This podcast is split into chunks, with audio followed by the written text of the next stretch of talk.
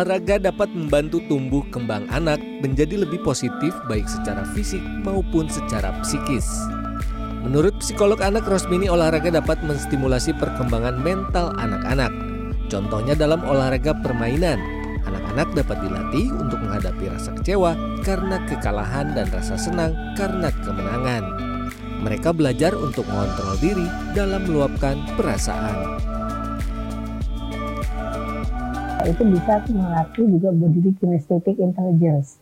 Bisa melatih kelenturan dan sebagainya, bisa melalui intrapersonal intelligence, kepercayaan diri anak. Bisa kemampuan interpersonal intelligence, kemampuan bekerja sama dengan orang lain. Karena misalnya olahraganya main bola, voli dan sebagainya itu kan pasti butuh kerjasama. Lalu kemampuan lagi untuk mengetahui uh, apa kecerdasan visual spatial intelligence kiri kanan atas bawah kreativitas ya uh, itu ada di dalam uh, olahraga juga. Meski berpengaruh positif terhadap tumbuh kembang anak, dokter spesialis olahraga Andika Raspati mengingatkan pada orang tua untuk tidak memforsir kegiatan olahraga pada anak-anak. Anatomi tubuh anak seperti otot dan tulang yang masih belum tumbuh secara sempurna membuatnya rentan terhadap cedera apabila terlalu diforsir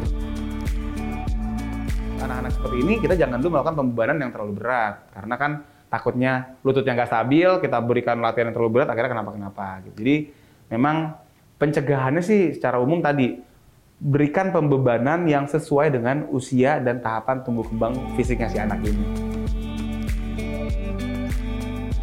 Andika juga menekankan pentingnya proses recovery setelah olahraga melalui tidur yang cukup dan asupan makanan yang bernutrisi tinggi untuk anak. Untuk mengenalkan anak pada olahraga salah satunya dapat dengan mengikuti event olahraga seperti CT Arsa Charity Fun Run yang akan digelar pada 18 November nanti di lapangan Trans City BSD Tangerang Selatan mulai pukul 5 hingga 11 pagi waktu Indonesia Barat. Acara ini akan dimeriahkan penampilan Diskoria, Malik The Essential, dan Trans Brother. Tim Liputan CNN Indonesia.